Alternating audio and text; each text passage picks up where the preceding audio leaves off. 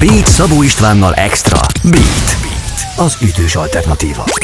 Beat az ütős alternatíva Szabó Istánnal, méghozzá egy pesti kávézóból itt ülök és kávézgatok éppen Bojki Tamással, a Bojki Tamás kvártetből. Megjelent a reggeli flirt, de hol vagyunk és mi történik itt most éppen? Hello, szia, sziasztok!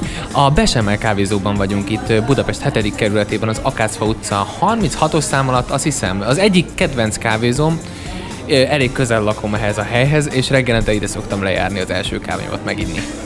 Mi az apropója a mai napnak? Megjelent a reggeli flirt, de hogyan kapcsolódik ehhez ez a kávézó, meg a mai nap? Ez a kávézó, hát igazából itt forgattuk magát a klippet.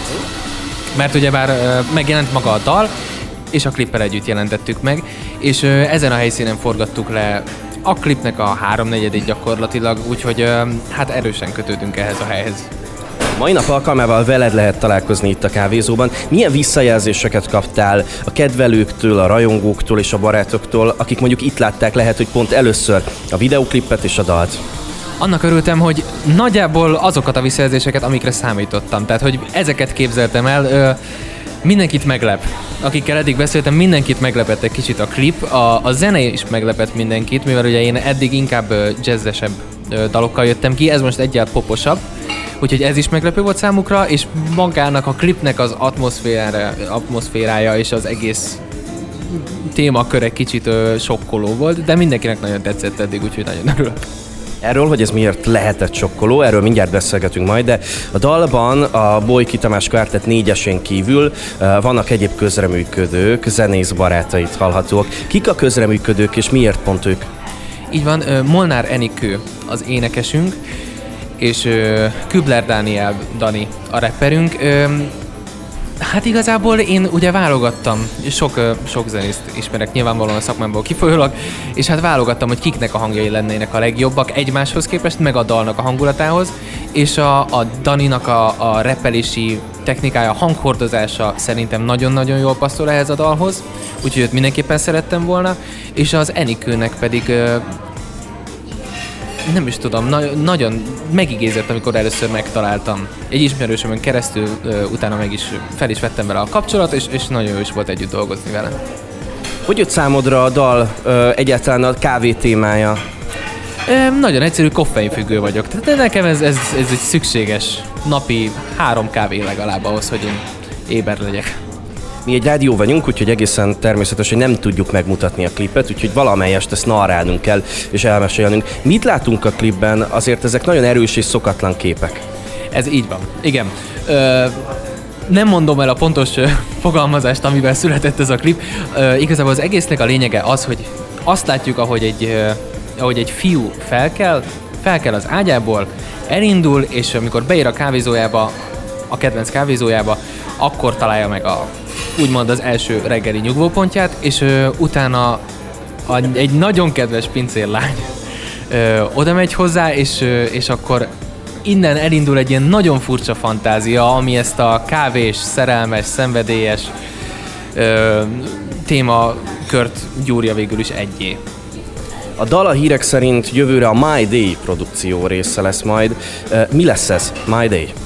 Így van, igen, ez egy, hát egy olyan 10-12 dalos ö, koncertprogram lesz, aminek ö, az lesz a lényege, hogy egy én, az, az én egyik átlagos napomon fogunk így végigmenni, a lényegesebb pontokat kiválasztom, és akkor a reggeli felkeléstől, igen, a reggeli kávén át, esti bulizásig mindenféle pontot majd zenei nyelven próbálunk megfogalmazni, és ennek az egyik pontja a kávézás.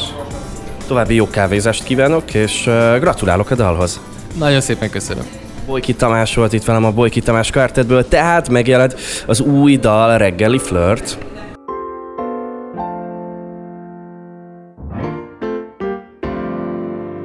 Mikor a felkelő nap a párnáddal flörtöl A sarkon egy angyal barna szemeket őről Mindegy, hogy egyedül vagy más mellett káz De reggel a társadra csak a pohárban lesz Egy perc múlva talpon vagy valami perzsel, bámulsz a tükörbe Szédágő fejjel, de a kávéra gondolva Jó kedvre derülsz, és a sarokra érve A helyedre beülsz.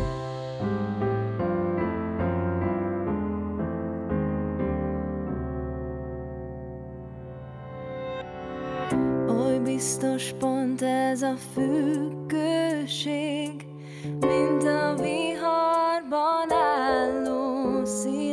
ásték. Rabul ejt az arab, legyőz a gőz. Ringat az illat és a habare hab, oh, amíg a sok ember kint pózol, a szokott sarokba te bekúszkózol, és vár.